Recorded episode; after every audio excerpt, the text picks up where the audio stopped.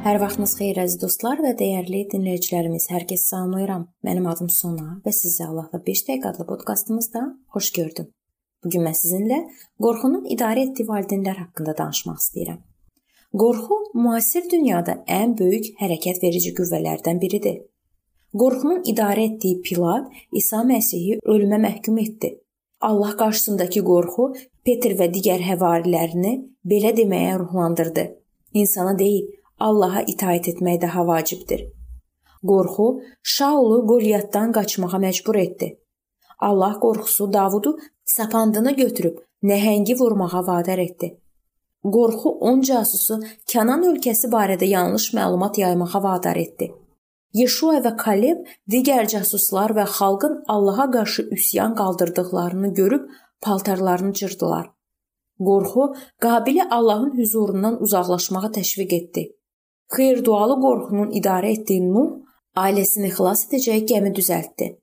Aydın olur ki, eyni vəziyyət və ya hadisə müxtəlif insanları müxtəlif vəziyyətlərə, müxtəlif qorxulara sala bilər.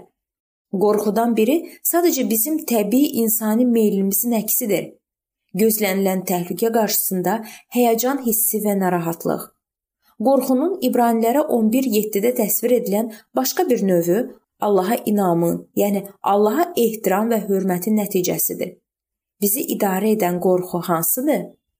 Biz etiraf edirik ki, Allah insana qorxu hissi əta edib. Şuurlu qorxu bizi bir çox təhlükələrdən qoruyur. Balaca uşaq yanmaqdan qorxaraq sobadan kənar qaçır.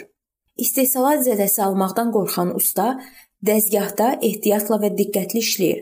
Aşpaz isə zəhərlənmə təhlükəsi barədə məlumatlı olduğundan ən yaxşı və yoxlamadan keçmiş məhsullardan istifadə edir. Ruhani sahədə valideynlərin qəlbində olan Allah qorxusu onların ailəsini qorumağa xidmət edir.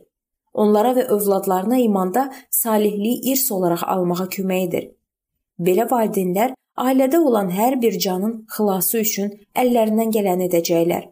Belə ailədə müqəddəs kitab qiraəti və dua gündəlik işlər sırasında olacaq.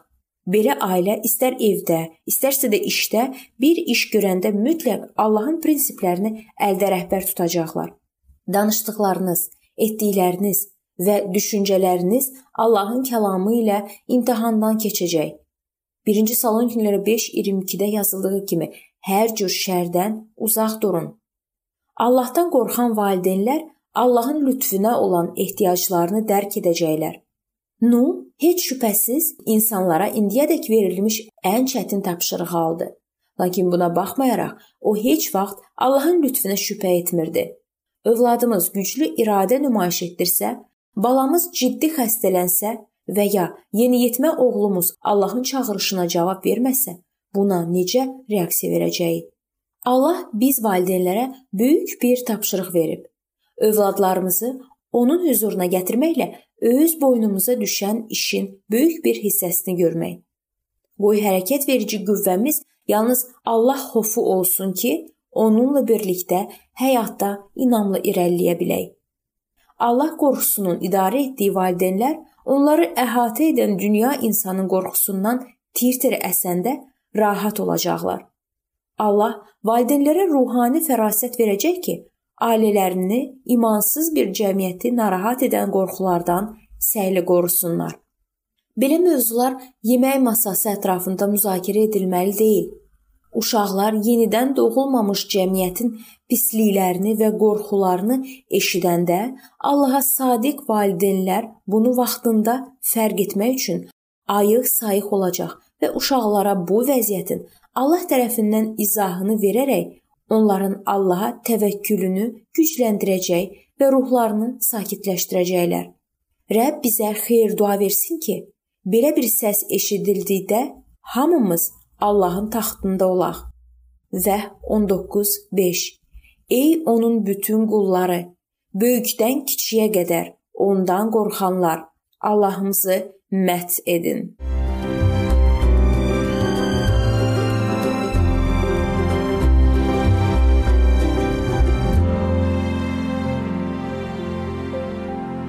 Beləliklə əziz dostlar, bu vacib mövzu burada sona çatdı.